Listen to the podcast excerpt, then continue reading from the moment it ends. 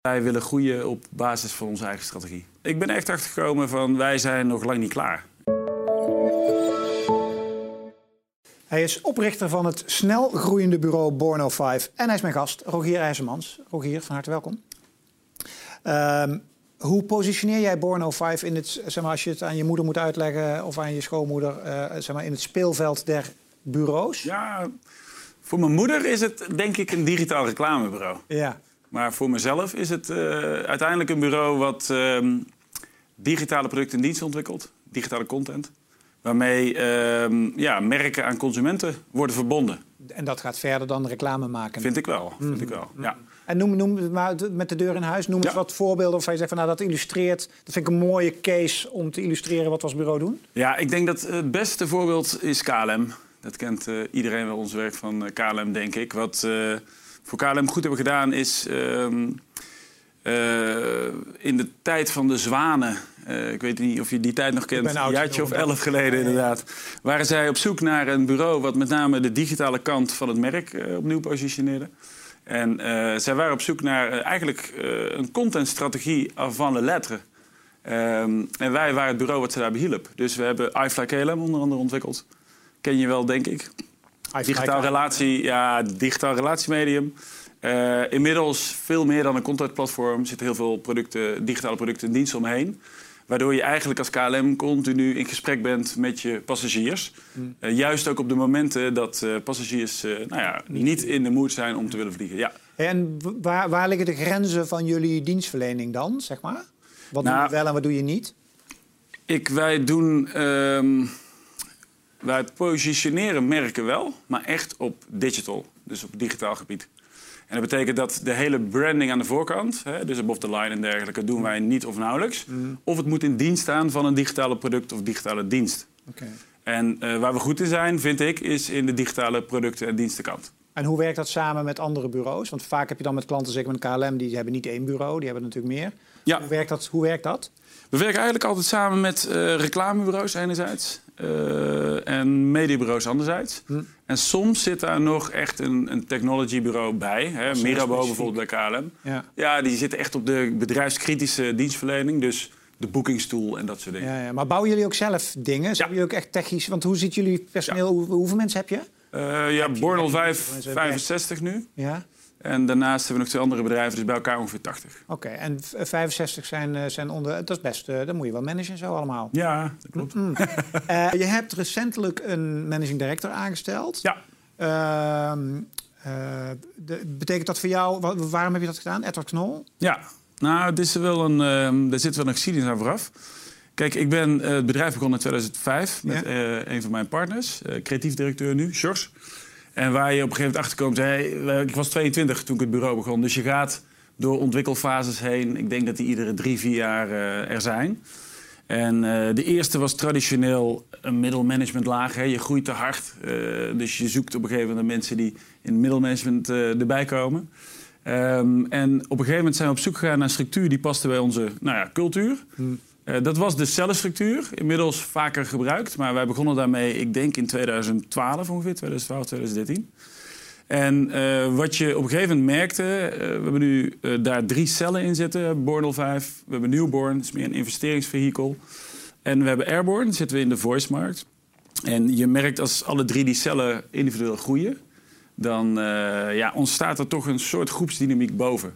En die is niet hiërarchisch, eh, wat mij betreft. Wat mij betreft is het veel meer een rol ja, van het, nou ja, het, het bewaken van het collectief. Hè, zowel cultureel, eh, kwaliteit, eh, maar ook klanten. Hè, dus geïntegreerde diensten kunnen aanbieden over de cellen heen.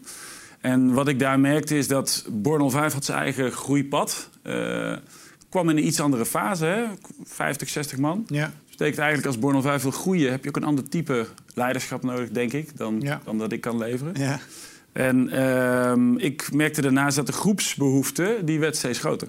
Oké. Dus ik ben gegroeid, eigenlijk doorgegroeid naar, eh, naar, naar de groepsrol. Groep-CEO, of hoe je het wil noemen. En eh, ik heb Edward in Edward echt een hele goede MD gevonden. Waarom bestaan jullie? Nou, de reden van die cellen, ik wil het nog wel even toelichten. Kijk, ehm, wat de kracht is van zo'n cel, is het is een hele ondernemende manier. Hè? Enerzijds om mensen te laten doorgroeien in de club. Dus echt talentvolle mensen kunnen oh, nou ja, groeien ook in, eh, in positie, maar ook in verantwoordelijkheid. Ehm, wat je daarnaast merkt is dat zo'n cel kan een ander marktsegment bedienen. Hè? Bijvoorbeeld Newborn bedient voor ons het start-up en het uh, venture segment. En dat is gewoon een hele andere dynamiek. Als je gewend bent om voor grote corporates te werken, KLM en Albert Heijn en ING en dat soort mooie merken met Born. Uh, doorloop je een bepaald proces, heb je bepaalde multidisciplinaire teams. Hè, het zijn vaak grotere trajecten. Mhm. En wij kwamen er wel achter dat de echte innovatie, hè, dus de innovatie van onderuit, om die toe te laten, ja, daar heb je een andere werkwijze voor nodig, een andere uh, marktapproach ook. Ja, ja. En dat hebben we gevonden in Newborn. Dus het stelt je in staat, die verschillende cellen, om op verschillende manieren de markt in te gaan. Dat Newborn, hè? heb je daar ruimte en tijd en geld voor dus, blijkbaar? Want venture klinkt als dat jullie dus geld stoppen in start-ups. Ja, klopt. Nou, of is het gewoon, is, het, ja, leg eens uit. Het model is wel leuk. Uh, enerzijds uh, zoeken start-ups uh, of scale-ups, zoeken natuurlijk bureaus om te helpen bij merkpositionering, productontwikkeling, user experience. Eigenlijk de hele, het hele spectrum. Ja. Kunnen die bureaus vaak niet betalen. Um, en anderzijds zochten wij een plek om uh, echt te kunnen innoveren. En wat wij nu doen is wij investeren drie vierde uh, Natura. Dat betekent uh, mensenuren. Ja. Ja, dus daar zetten we eigenlijk Bornel 5 voor in. En klantcases ook? Ik bedoel, gaat, gaat... Ja, hij werkt ook andersom. Maar en, en dan de component daar bovenop is dat wij 25% cash erbij doen. Dus je bedient eigenlijk twee doelen daarmee. Enerzijds is de investeerder die vaak in een start-up zit uh, die vinden het fijn dat ook de partijen die erin zitten uh, met geld, hè, dus de, de ballen op het blok leggen. Ja, ja, precies. Niet alleen maar barteren. Exactly, exactly. Ja. En uh, anderzijds is, krijgen ze een topbureau wat ook echt het merk neerzet en zich voor lange tijd committeert. De derde tak, naast Born of 5 Newborn, heb je Airborne. Ja. Daar richt je met name op voice. Ja. Uh, ook een, wil ik meer over weten, maar even vooraf, waarom heb je dat dan niet in dat. Waarom heeft die een aparte ID? Waarom is dat een aparte cel? Waarom heb je die niet in die nieuwe. Nou, voor ons is uh, wel een goede vraag. We hebben, de, uh, we hebben een keertje een foutje gemaakt. Of een foutje. We hebben de eerste cel die wij opzetten, heette Five. was een echte contentcel. En wat we daar hadden gedaan, is hadden we eigenlijk de contentdiscipline uit Born 5 gehaald. En daar een aparte cel voor opgezet. Um, en wat daar uiteindelijk vond ik niet goed aan wer werkte, was dat wij zijn een geïntegreerd bureau zijn. Dus wij denken altijd vanuit geïntegreerde proposities. Als je er dan één expertisegebied uithaalt, ja, dan, dan draagt het uiteindelijk onvoldoende bij. Ja, okay. En de reden dat dat bij Airborne wel zo uh, hebben gedaan, is dat uh, Airborne ook andere verdienmodellen uh, kan toelaten. Hè, dus bij Newborn hebben we een participatiemodel. Nou, Born is natuurlijk eigenlijk het traditionele bureaumodel. Dus daar heb je enerzijds wel uren, anderzijds heb je nou, laten we zeggen, value pricing, licensing, een beetje die hoek. Ja. En bij Airborne spelen hele andere uh, krachten. Zoals? Nou ja, zoals, uh, het is de muziekindustrie ook. Dus er spelen uh, licenties, royalties, een beetje die hoek. En maar maak eens concreet, wat zijn het Nou kijk, op het moment dat jij um, aan de audiobranding van een merk gaat, ja, ja. aan het werk gaat... dan krijg je een ander type dienstverlening krijg ook een ander type verdienmodel. En om dat los te laten, hè, om dat echt goed te ontwikkelen, hebben we, dat, hebben we daar een apart team voor opgezet. We hebben externe mensen bij betrokken die daar veel ervaring mee hadden. Uh, en die uh, tuigen nu die cel op. En dat is niet alleen muziek, het is natuurlijk ook letterlijk spraak. Hè? Want we gaan natuurlijk steeds meer ja. uh, kletsen tegen computers. Ja. Dus merken moeten ook een, een letterlijk stemmen krijgen. Zeg Absoluut. Maar. Ja. Dus dat is uiteindelijk de reden dat wij Airborne zijn gestart. Is we deden een groot traject met KLM. En wat we merkten daar is dat hè, steeds meer dienstverlening gebeurt via spraak. En als je kijkt naar de voice-ontwikkelingen, sowieso loopt Nederland uh, nou ja, niet voorop, laten we even zo zeggen. Uh, Amerika, Azië gaan veel sneller. En wat je daar ziet is dat het best wel gedreven wordt door technology. Ja. En uh, technisch ontstaan echt een heleboel standaarden nu. Alleen de hele merkkant, daar wordt naar ons idee onvoldoende over nagedacht. Hmm. En dat is niet alleen audio branding, maar het is ook letterlijk als jij bijvoorbeeld uh, twee concrete voorbeelden. Unilever, even als, uh, als, uh, als moedermerk natuurlijk van een heleboel mooie uh, personal care merken. hoe relevant is het als Unilever uiteindelijk in de woonkamer of in de badkamer bijvoorbeeld kan praten of in gesprek kan zijn met jonge moeders? Nou, die manier van nadenken en hoe reageer je dan als merk, dat, is, dat wordt nog nauwelijks gedaan. Boeiend, ja. Andere opdrachtgever van ons, uh, Alzheimer Nederland, uh, werkt veel voor, uh, samen met mantelzorgers natuurlijk. En wat je ziet bij nou ja, dementerende mensen is dat ze vergeetachtig worden. dat post-itjes met herinneringen, nou ja, die domineren een beetje de eh, huiskamer. Ja. Hoe waardevol is het als uiteindelijk een smart speaker de rol van een mantelzorger deels kan overnemen? En Ja. dan niet alleen met de stem van Alexa van Google, maar Nee. misschien zelfs wel de stem van Een- jouw eh, zoon of dochter Ja, of ja, jouw ja. mantelzorger. Ja, de wc is links, man. Die kant gaat het, ja, Ja. Nee, maar die kant gaat het echt op. Ja. En daar, eh, daar willen wij eh, nou ja, ons steentje aan bijdragen. Mannetje of 60, 70, 80 zo in totaal nu. Ja. Je bent een van de, mm, wat dat betreft, een beetje in de minderheid als het gaat om bureaus. Want jullie zijn zelfstandig Ja. nog. Terwijl de, de bureauwereld zich in Nederland natuurlijk wel kenmerkt door nou ja, consolidatie. Er zitten eigenlijk een paar grote partijen zitten er overal boven. Was je strategie daarin? Lekker eigenwijs. eh, Leuke vraag. ja. Nou, kijk, dat is een van de redenen natuurlijk dat eh, Edward er is. Is dat wij uiteindelijk ook, eh, ik denk een an- anderhalf, twee jaar geleden... heeft nou ja, ongeveer iedereen bij ons op de stoep gestaan. Ja, ja, ik kan me Ik, voorstellen. eh, en of het nou consultancy zijn of reclamenetwerken die nou aan het herorganiseren zijn. Ja, of het zijn eh, de mediebureaus die toch wel naar digital en naar creatie aan het kijken zijn eh, als groeidomein. Wat ik heb ontdekt in die periode is dat wij willen groeien op basis van onze eigen strategie.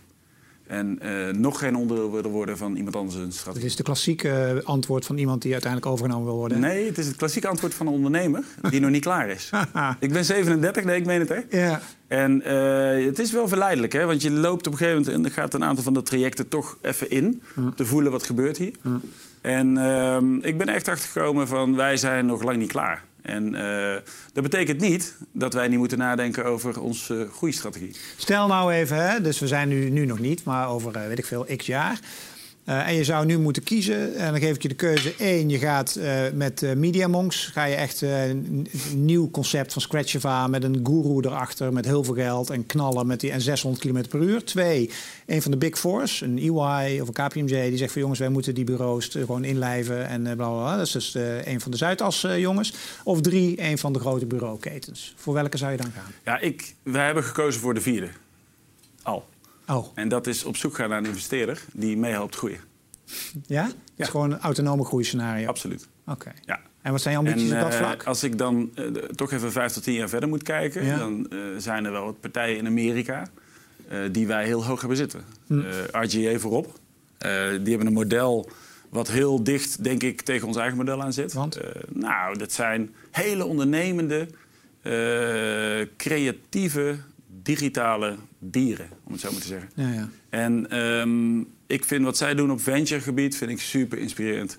Ik ben er geweest in eh, New York en de vibe die daar hangt, ja, dat is, dat is, dat is het bedrijf eh, waar ik me mee wil associëren Oké. met Born.